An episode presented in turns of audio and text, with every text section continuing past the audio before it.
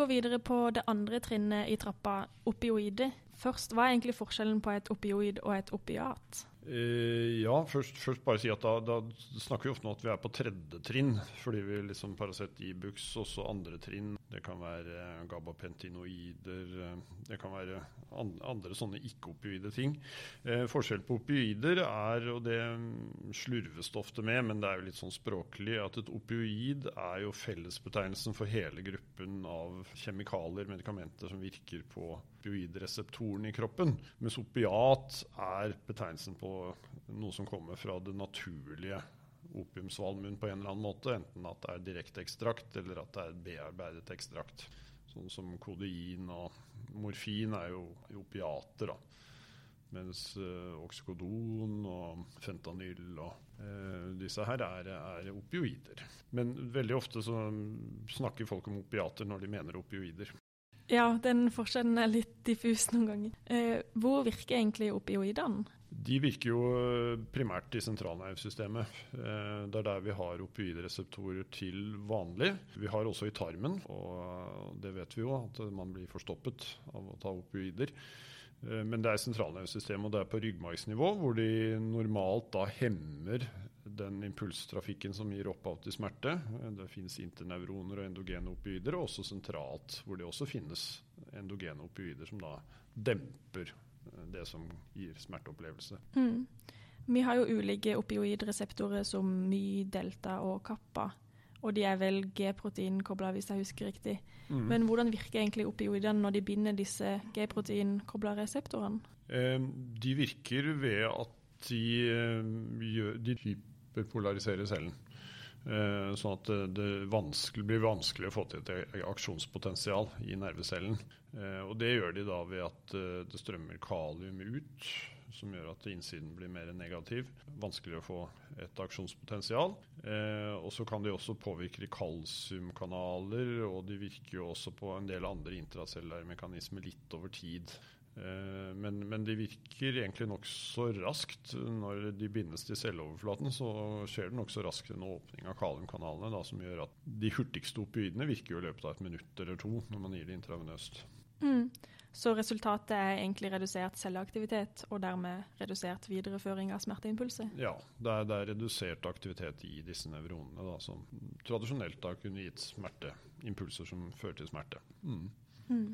Virker de òg på disse internevronene som er liksom mellom, eller i ryggmargen? Ja, det er noen av disse opioidnevronene er jo sånne internevroner som ligger i ryggmargens bakhorn.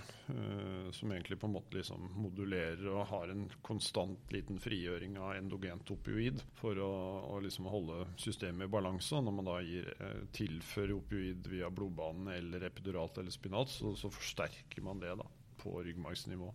Eh, så kan jo også opioider, hvis du har f.eks. går med et vondt kne eller en vond skulder i lang tid, så kan de også ekspre, altså de kan vandre langs nervecellen uh, ut og, og, sette seg i vevet. sånn at du, du kan også finne opioidreseptorer i perifert vev som har vært smertefullt over tid. Det er gjort en del sånn morsomme studier hvor man da også har brukt opioider lokalt og funnet effekt. Men det virker ikke ved akuttsmerte. Det må være smerte som har stått over noe tid for at man finner opioidreseptorer der. Uh, hvilke effekter gir det hos pasienter? Uh, åpenbart uh, smertestillende, da, men også litt andre ting, kanskje? Ja da. det er jo, Opioidene har en rekke bivirkninger, og det, de fleste av de er jo vi kan si Først så er det den på tarmen, at de, man får oppstipasjon. Tarmen stopper opp. Der skjer det ikke noe toleranse, sånn at det er en effekt som er veldig plagsom også for de som bruker opioider over tid og er oppe i store doser. At det, de får ikke noe toleranse for det, så de blir veldig oppstiperte. For øvrig så er jo de fleste effektene da knyttet til sentralnervesystemet. Kvalme er jo velkjent. Man blir trøtt, suste, litt rusete. Eh, noen, noen, kan oppleve som litt ubehagelig, svimmel. Det er litt som alkohol, man blir trøttere, men man får dårligere søvnkvalitet. Man kan sove fint av litt opioid, men det, for det første er ikke alle som sovner av opioid, men noen gjør det. Og hvis man da har sovet en natt på opioid, så, så er det en dårligere søvn, mindre drømmesøvn. Det er litt som alkohol. Man våkner opp og er ikke helt i shape. Eh, så kan det jo påvirke immunsystemet ved langvarig bruk. Demper immunsystemet. Det er litt diskusjon i forbindelse med kancer og alvorlige sykdommer om det kan bety noe. Og så gir du denne hyperalgesien, da, som er eh, litt nyoppdaget. Den er reversibel. Den varer kanskje noen timer, i hvert fall etter en opioide brukt akutt i forbindelse med anestesi og en akutt skade. Eh, kanskje lenger hvis man bruker opioide gjennom uker. Eh, og så er det jo misbruksfaren da, knyttet til både at man hvis man bruker det i flere uker, får en slags fysisk avhengighet, at kroppen autonomt reagerer med abstinens, men også det psykiske, da, at det gir velvære, et slags kick i det opioideffekten setter inn. Så kan det gi kløe og urinretensjon.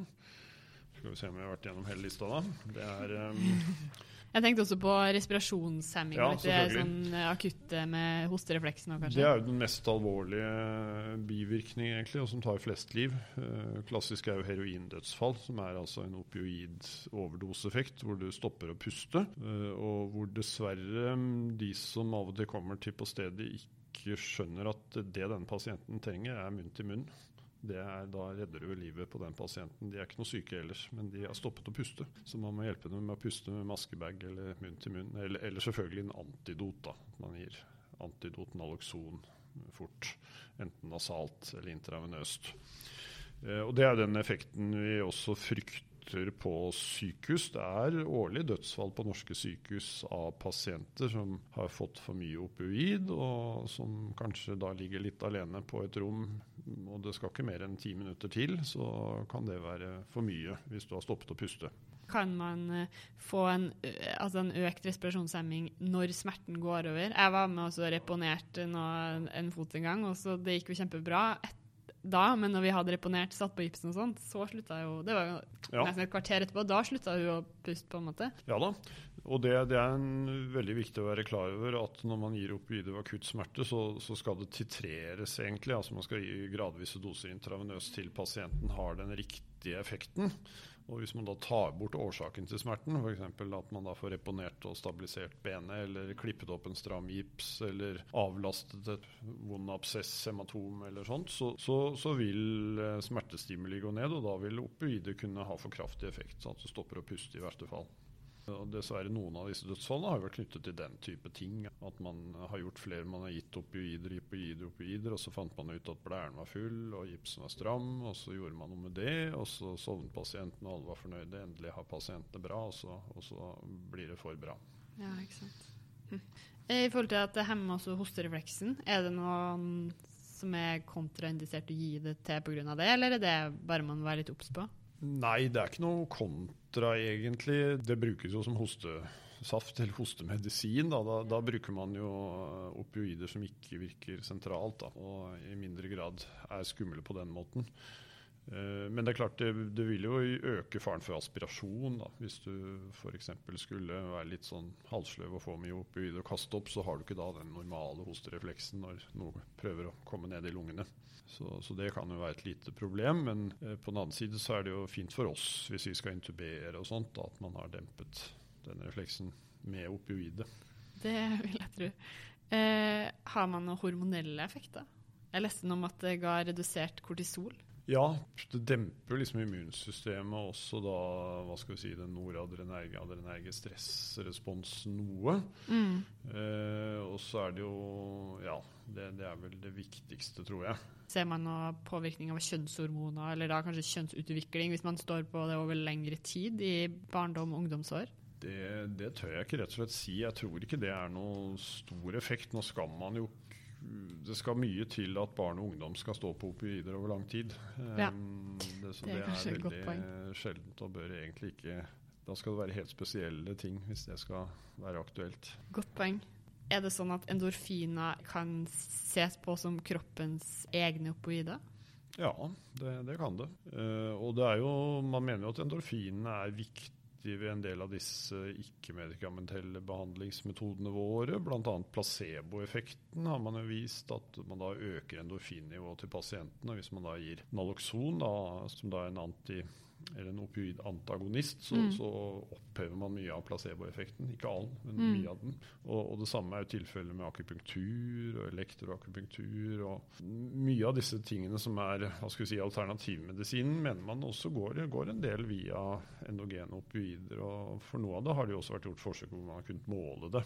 Eh, men det er nok en blandingeffekt. Det er en psykogeneffekt og også da den rene endogene via endogene opioider. Det er litt på sida, men man sier jo ofte sånn at man skal trene inntil smertegrense og sånn. Men man har jo endorfinfrigjøring under trening. Ja. Vil det på en måte kunne Ja, det, dekke over den smerten? da, sånn. Det dekker over noe. Og, Ja. og det, er jo, det er jo et sånt kjent begrep i idretten, sånn runners high. At når, du, når du trener hardt, og det, det vil jo mange si bare vanlig trening, at man blir litt high etterpå. Det mener man kanskje er en liten sånn endorfineffekt, et endorfinkick som man får av at kroppen lager sitt eget endorfin. Og man ser jo også at eh, folk som skader seg under intens idrettsaktivitet, de har mye mindre vondt. Nå har nok det også en del sånn med psykogen og adrenerg og, og sånt, men man har jo sånne bilder av fotballspillere som brekker beina og liksom ikke ser det før de liksom Oi sann. Ikke sant? Det er interessant. Kort oppsummert. Alle opiater er opioider, men ikke alle opioider er opiater. Opioider virker på G-proteinkoblede myreseptorer ved å gi redusert celleaktivitet. I tillegg til den smertestillende effekten gir opioider bl.a. òg sedasjon og eufori. Bivirkninger man må være obs på, er respirasjonsdepresjon, kanskje det viktigste, men òg kvalme, obstipasjon og urinretensjon pga. påvirkning av glattmuskulatur. Ved store doser opioider ses òg myose, eller små pupiller. Eh, Vi har jo nå snakka litt om eh, non-opioider og opioide, da. Er det noen gang man kombinerer alt, på en måte? Absolutt. Da er vi litt tilbake til dette med trappen. At du starter gjerne med paracetamol, eventuelt N-side. Enten det ene eller begge sammen. Eh, så er det noe som også faktisk har en ganske god smertelindrende effekt. Det er kortikosteroider. Det er jo litt det samme som med Enside, men de virker på litt, eh, litt lenger opp prostaglandinsyntesetrappen og pluss på en, en del andre måter. Og de har jo veldig mye bivirkninger, selvfølgelig, så det er ikke noe man kan drive og spise for smerte over lang tid. Men vi bruker mer og mer rutinemessig nå ved operasjoner at pasientene får én dose, eh, ganske stor dose med kortkosteroid, som da gir absolutt en smertelindring i ett til to døgn av den ene dosen. Ja, ikke sant? Så det er et prinsipp som brukes. Eh, og så bruker man lokalanestesi eh, ved akutte smerter. At man kan infiltrere og spraye og ha på pads med lokal anestesi for å dempe. Eh, så kan man også tenke litt mer på dette med nerve, nevropatisk smerte.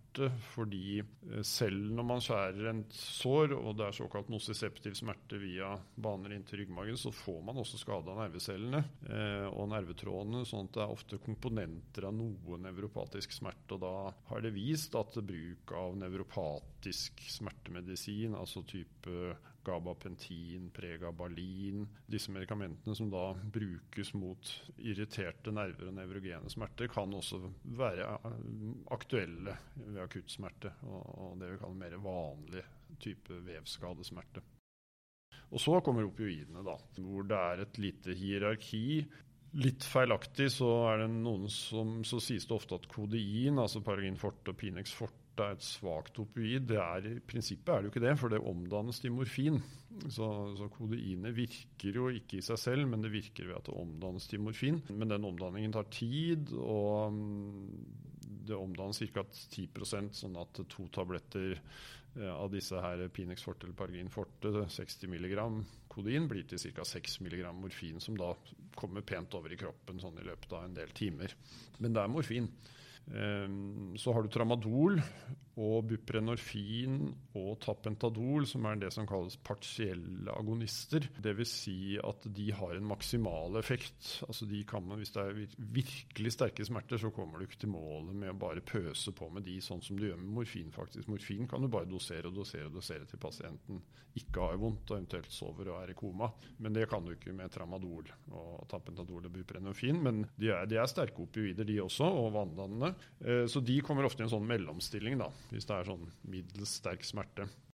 Eh, buprenorfin eh, er litt spesielt, for det binder seg veldig kraftig til reseptoren, så der kan man nøye seg med å dosere én gang i døgnet. så Derfor brukes det mye til sånn eh, opioid avvenning og eh, medikamentassistert avvenning av misbrukere.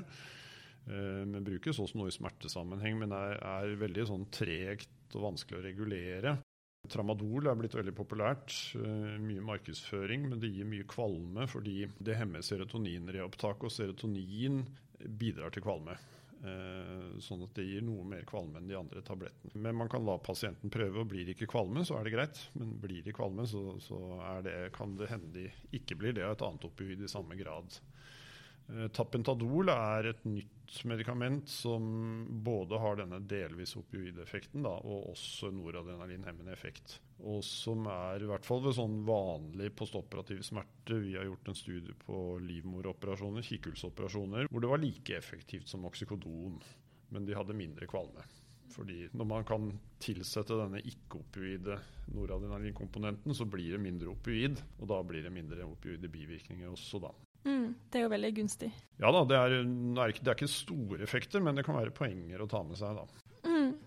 Uh, og så har vi da de sterke opioidene, hvor vi har oksykodon, som er veldig populært, og som jo er en versting i forbindelse med opioidepidemien i USA. Uh, hvor, hvor, den har jo vært veldig i skuddet, fordi det er særlig den som har vært økt i salg. Da. Det var intens markedsføring. Firmaet eh, forfalsket noen resultater og fikk FDA til å godkjenne det på falske premisser. Det kunne brukes vanlig ryggvondt og hodepine og menstruasjonssmerter og dagligdagse smerter ble det markedsført som et par år, eh, og, og førte jo til denne opioidkrisen man ser i USA.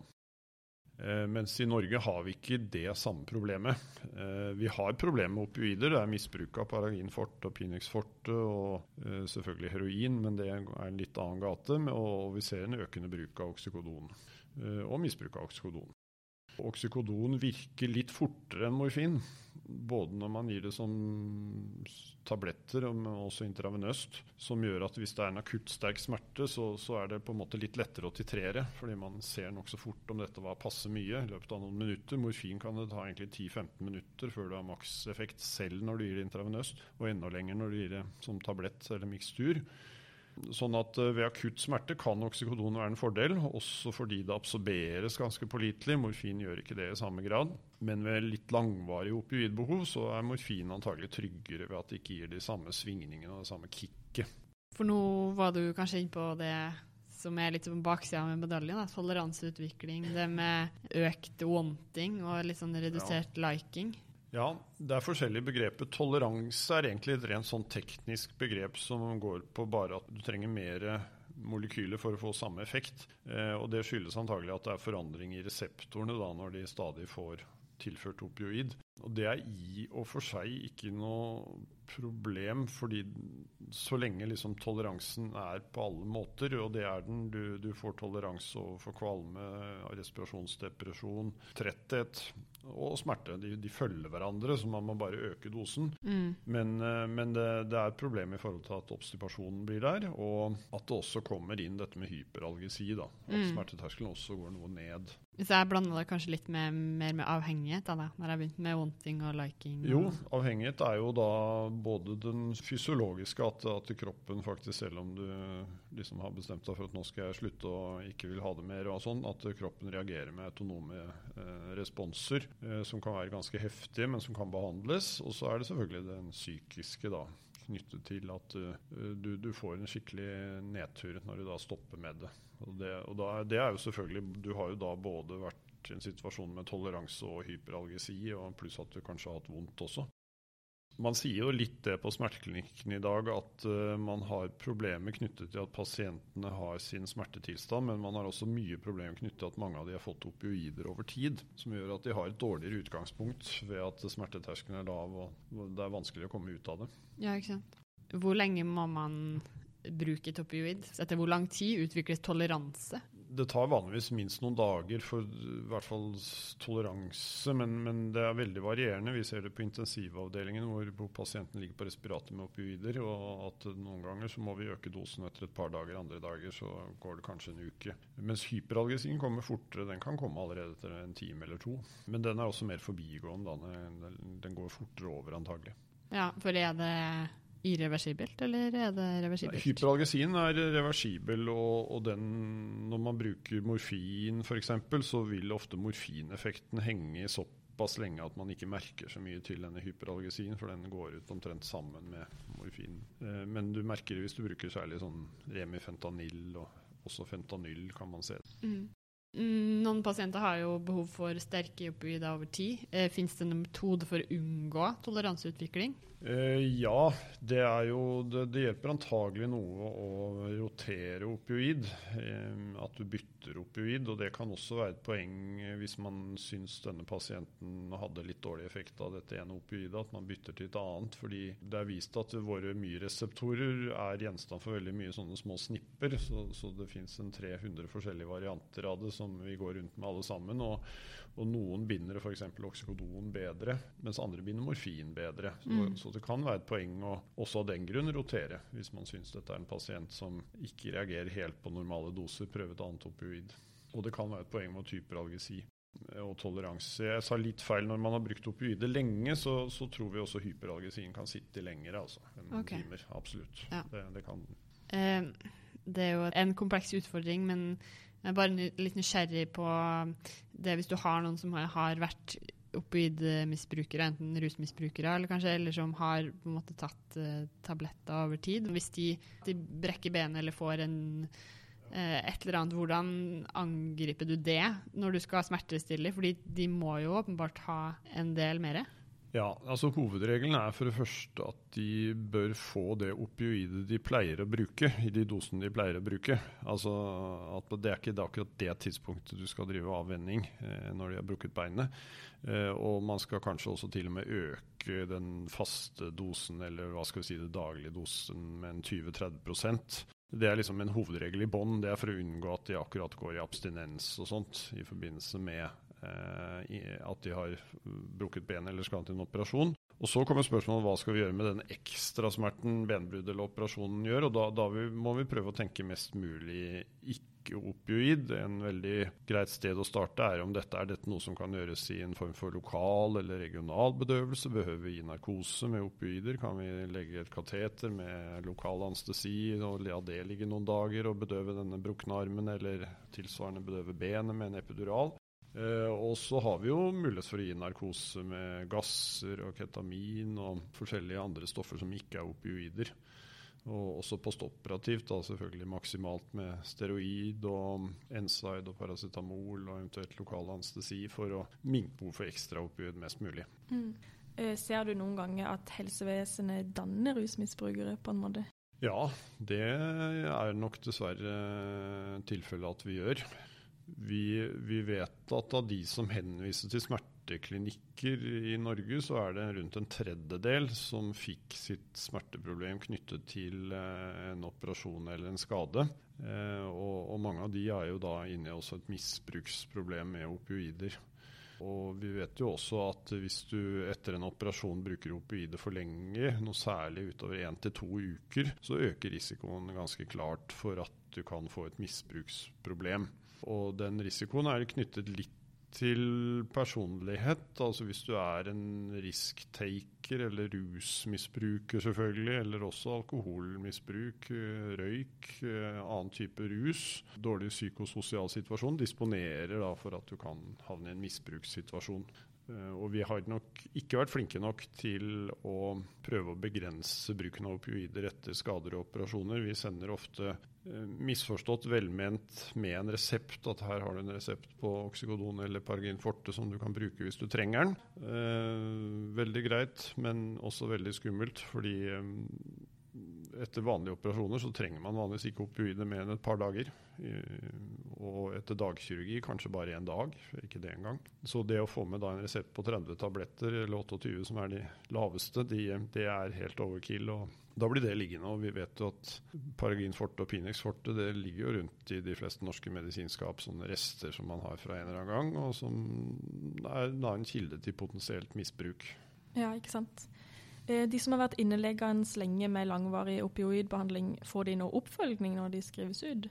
Ofte litt for dårlig, men de, de, skal jo egentlig, og det er et arbeid vi er i gang med nå ved OUS, å stramme inn dette med at vi skal i epikrisen ha en bruksanvisning for alle som vil sende hjem med opioider. Enten at dette skal du bruke i så og så mange dager, eller at hvis det har vært lengre tidsbruk, hvordan du skal trappe det ned. At du skal trappe ned 20-30 og så kanskje vente et par dager, og så gå ned 20-30 igjen, og på den måten komme ut av det. Mm. Kort oppsummert, hvis man ikke kommer i mål med de første trinnene på smertetrappa, så kan man legge til sterkere medikamenter, dersom man tenker det er hensiktsmessig.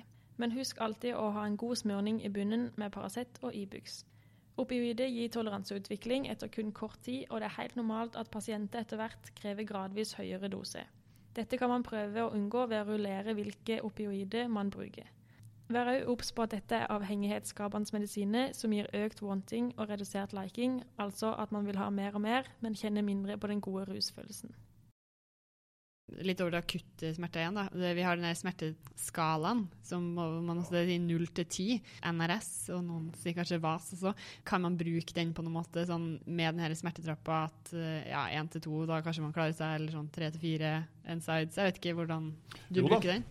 Den brukes jo sånn, og det er, det er veldig godt poeng å prøve å eh, objektivisere smerten. Sånn at vi prøver å få til det at alle pasienter med smerte skal angi da, fra 0 til 10. Eh, men da er det viktig å være litt presis på hva man spør om. Kan si Rett etter en operasjon så er det viktigste kanskje å ikke ha for mye smerte i hvile. Alle vil ha vondt når de prøver å gå på do eller hoste eller humpe rundt med et vondt ben de første dagene. Så, så det, er kanskje særlig at du i hvert fall får sove og får hvile, at du kommer ned på en toer og en treer da. Mm. Men senere så vil det være viktig at du kan uh, ha gjennomsnittssmerte ved vanlig aktivitet. At du kan gå på do og du kan spise og du kan kle på deg og rusle rundt. Og være med på fysioterapi og mobilisering og trening og sånn.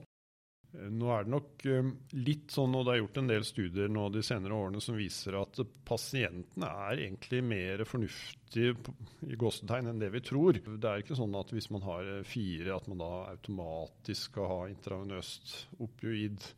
Eh, selv om det praktiseres litt sånn en del steder. Så hvis man spør pasienter, så skal man også spørre dem om du angir fire her, men syns du det er greit, eller syns du vi skal gi deg noe mer? Og så, og så ja. Og hvis man da spør ja, vil du vi skal gi deg noe mer enn noe sterkt, som gjør at du kanskje blir trøttere, og nei, det har jeg ikke så lyst til. Man har eh, egentlig vist at uh, noen undersøkelser, de som ligger på sånn nivå mellom fire og seks, at to tredjedeler av de egentlig ikke ønsker seg et opioid. Og at de egentlig er, syns da det er faktisk greiere å ha litt vondt enn å bli trøtt og sløv og eventuelt kvalm og sånn. Ja. Pluss at jo folk også har respekt for dette med farene ved opioider. og det samme gjelder litt også med gabapentinoider, lyrika eller pregabalin og gabapentin. At også, man blir ganske trøtt og sløv av det. Eh, og mange vil si at nei, jeg, jeg, vil faktisk heller ha litt vondt når jeg går på do eller reiser meg eller noe sånt. Ja, for det, dette ble jeg så slått ut av at jeg kan ikke jobbe, jeg klarer ikke å lese avisen. Altså. Så, så det, er, det, er, veldig viktig å ta dette med bruk av denne skalaen litt i en kontekst. Er det hvilesmerte vi snakker om? Er det gjennomsnittssmerte? Hvilke situasjoner? Og hva syns du selv om det? Og, og, selvfølgelig, hvis det er et akutt forløp, så blir det jo vanligvis bedre, litt bedre dag for dag. Og da kan man jo trøste seg med det. Men er det en langvarig smerte, så, så kan nok det være litt mer at man da må diskutere hvilket nivå er realistisk, da. Ja, Så man bruker kanskje den også vel så mye, eller litt også til å se utviklinga. Hvis du har f.eks. på en sjuer, og så får du et medikament, og så er du nede på en treer, så ja. er det jo åpenbart at det har gitt litt effekt? Ja da, det er klart. Det er, det er, jo sånn man gjør studier på disse medikamentene også, at man bruker disse skalaene. og Ofte er man da fornøyd hvis man klarer faktisk en gruppe å få de ut. Å gå ett hakk lenger ned enn placebogruppen f.eks., så, så er det et godt resultat. Akutt smerte blir i noen grad underbehandlet eh, ofte, fordi, fordi, man er veldig redd for dette med respirasjonsdepresjon og, og, og vil heller da være med på den trygge siden og la pasienten ha vondt. Sånn at uh, det er ikke nødvendigvis bare det at det er for mye opioidbehandling og opioidkrise, men også at det er opioidfeilbruk. Det er noen som får for lite opioider. Og i store deler av verden er jo det et veldig problem. Altså I utviklingsland så er det veldig vanskelig å få opioider til nesten uansett hva slags smerte det er. Veldig strengt, veldig regulert, veldig vanskelig og mye vondt. Ja, ikke sant. Eh, nå har vi snakka mye om smerte, men vi må bare spørre deg sånn kronisk smerte. Ja. Hva gjør man med det? Eh, for det første så er man litt sånn diskusjon om begrepet kronisk, for det er litt sånn negativt. Så man prøver å, å i hvert fall Norge, Norsk Smerteforening å komme opp på begrepet langvarig, eh, for å indikere at dette er ikke nødvendigvis noe man skal ha hele livet. Og det er viktig liksom, å gi pasienten det perspektivet. Det man skal gjøre med det, det er vanskeligere å behandle. Absolutt. Fordi da har man alle disse sekundære mekanismene. Ofte et betydelig innslag av nevropatisk smerte. Og også innslag av at uh, man har masse psykososiale hverdagsproblemer knyttet til smerten, som gjør at, at smerten blir liksom veldig dominerende i livet hvis det er en vanskelig, langvarig smerte, så, så krever det en ganske sånn grundig og tidkrevende og bred tilnærming. Så disse smerteklinikkene som um, det offentlige har, de har sykepleiere og fysioterapeuter og leger og prest og sosionom og um, mange yrkesgrupper som ofte jobber i team. da. Det dreier seg selvfølgelig om å kartlegge er det noe vi kan gjøre for å dempe fysiologien i dette her. Er det noe vi kan gjøre med nosiseptive ting? Er det noe vi kan gjøre med blokader med medikamenter og sånn? Men uh, ofte så ender man opp med at man, man kommer ikke helt til målet, i hvert fall. At, at uh, pasientene må lære seg også å leve med uh, smerte. Og, og, da kommer dette igjen med smerteopplevelse. da, Hvilke situasjoner har man mindre opplevelse av smerten enn andre situasjoner? Og hva kan man liksom tilrettelegge livet sitt litt for å få mindre av disse opplevelsene og, eh, og få mer av gode opplevelser. Eh, så smerten er liksom bare én av en rekke sånne ting som da kan være økonomi, det kan være sosiale problemer, det kan være seksuelle ting, det kan være funksjon, hverdagslige ting. alt dette. Så, så, så, så, ofte ser man at hvis man kan gå inn på disse andre punktene og jobbe litt med de også, så hjelper det på smerteopplevelsen. Ja, ikke sant. Det er et komplekst bilde. Veldig, veldig komplekst, men det, men det, er klart man skal også se om det er noe man kan gjøre med selve tilstanden, selvfølgelig. Det fysiologiske i det. Det nosiseptive, nevropatiske, om det er noe å hente der. Mm. Til slutt, eh, nevropatisk smerte, smerte utgående fra nervecellene. Hvordan behandler man egentlig det? Nei, altså Der er det jo slik at uh, tradisjonelle medisiner, Paracet og Enside, virker dårligere opioider virker noe hvis man gir nok av de, men, men igjen så er det da et uh, litt sånn som så å tisse i buksa. Altså man, man, har en effekt, men, men, man får da hyperalgesien og, og alle opioidproblemene på toppen og i stedet. Uh, og det viser seg ofte at hvis man gir de opioider etter en tid, så har de like mye smerter som de hadde. Det er en kortvarig effekt.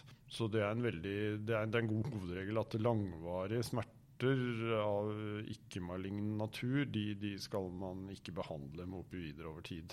Det kan være av og til at de har glede av Enside sånn hvis det er akutte forverringer, eller at de har andre ting som kommer på toppen og gjør vondt. Så det, det, kan være aktuelt å bruke de. Og så har man jo da disse mer midlene som går på nervecellemekanismer, altså kalsiumreopptakhemmere, gabapentinoider. Uh, man har dopaminantagonister, sånn som duloxetin, og man har karbamazepin, altså epilepsimidler. Uh, midler som man vet påvirker nerve og nerveledning. Som, som, kan brukes. Og Nerveblokader er veldig effektivt, men, men de er jo kortvarige ofte. Man kan prøve ketamin, infusjoner har vært prøvd. Lidokain systemisk er også noe som av og til kan hjelpe, men dessverre ofte forbigående. Eh, sånn at det er, det er, et vanskelig kapittel. Eh, selvfølgelig, det ligger jo i bunnen av alt at man må jo se om det er noe med årsaken. Altså er det en dårlig rygg som kan avhjelpes med et inngrep, men, men, ofte er det ikke det. Eh, og, og i den grad man går, Når man da gjør et inngrep, så risikerer man å påføre pasienten en ny smertetilstand. Så, så det er også da en viktig når det gjelder liksom å prøve kirurgiske løsninger, at da må man ha en klar tanke om at dette faktisk gjør noe med årsaken. For ellers så har man bare påført pasienten en ny årsak til mer smerte. Ja, det er en vanskelig balanse der.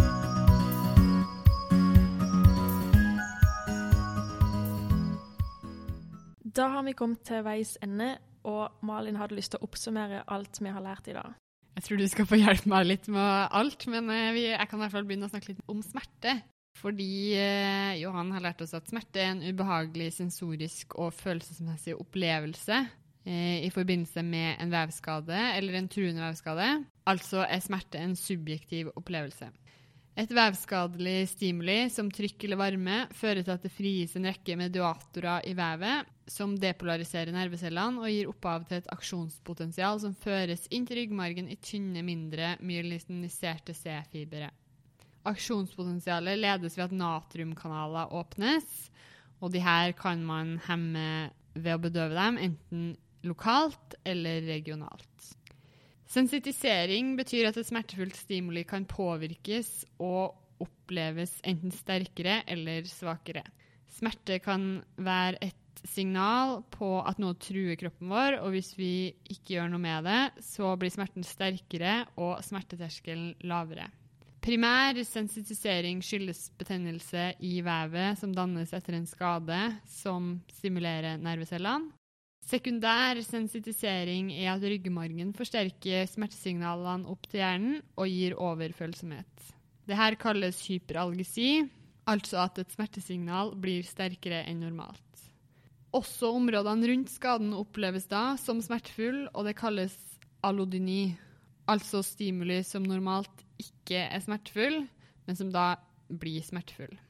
Så hørte vi om referert smerte, som vil si feillokalisasjon av smertestimuli fra indre organer til f.eks. en arm, sånn som ved hjerteinfarkt.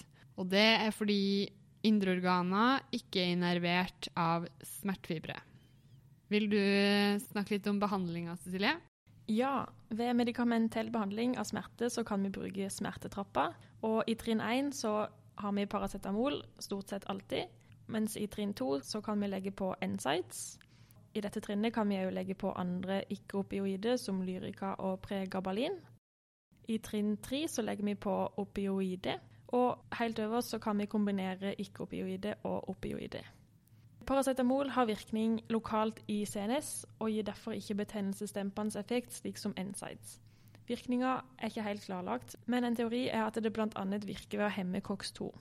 Alvorlig bivirkning av paracetamol er leversvikt i for høye doser, og man må bruke det med forsiktighet hos pasienter med stort alkoholinntak eller leversykdom.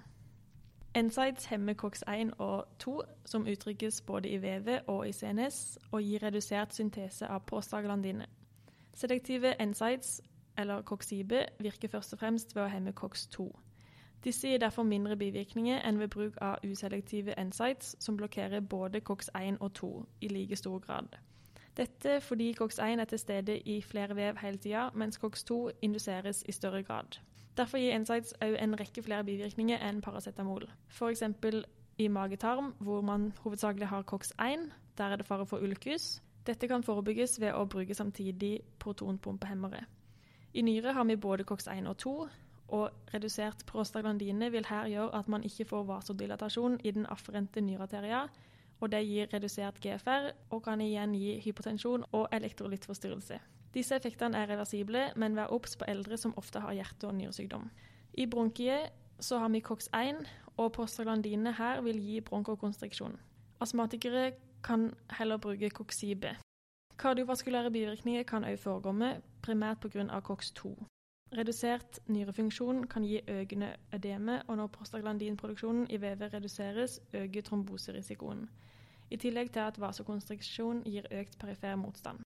Vi var også innom det at ulkus det kan gjerne oppstå ganske raskt etter f.eks. én dose bare, mens kardiovaskulære og renale bivirkninger oftest kommer etter uka med bruk. Det er viktig å huske på, fordi det betyr at eh, hjertesyke pasienter derfor kan bruke Coxiba f.eks. i én uke uten problemer, men man må unngå å bruke det i for lang tid. Opiater er naturlig utvikla fra opiumsplanten, mens opioider omfatter også de syntetiske variantene. Opioider virker på G-proteinkobla myreseptorer, som gir hyperpolarisering og dermed redusert smerteoverføring i nervecellene. I tillegg til den smertestillende effekten gir opioider bl.a. også sedasjon og eufori. Den viktigste bivirkningen som man må være obs på ved bruk av opoider, er respirasjonsdepresjon, som gjør at pasienten slutter å puste. Andre bivirkninger er kvalme, hostedemping, obstipasjon og urinretensjon pga. påvirkning av glatt muskulatur. En overdose kan kjennetegnes ved at man ser myose, som da betyr små pupiller. En annen ulempe med opioider er toleranseutvikling, som vil si at man må øke dosen for å få samme grad av effekt.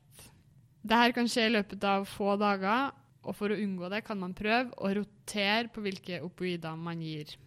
Ved behandling av kroniske smerter er ikke alltid bruk av disse medikamentene så optimal, bl.a. pga. toleranseutvikling og avhengighetspotensialet, og det er viktig å gjøre ikke-medikamentelle tiltak som å fokusere på opprettholdende psykologiske faktorer framfor smertedemping med medikamenter. Det var en hel del. Det var mye. Men vi har lært veldig mye, og tusen takk for at du ville komme til oss for å lære oss om dette temaet, Johan. Ja, det var hyggelig, det. Og tusen takk til alle dere som hører på oss. Hvis du har noen spørsmål, send gjerne en mail til farmapodden alfakrøllgmail.com. Du finner oss også på Facebook og på Instagram. Vi høres igjen. Ha det bra. Ha det!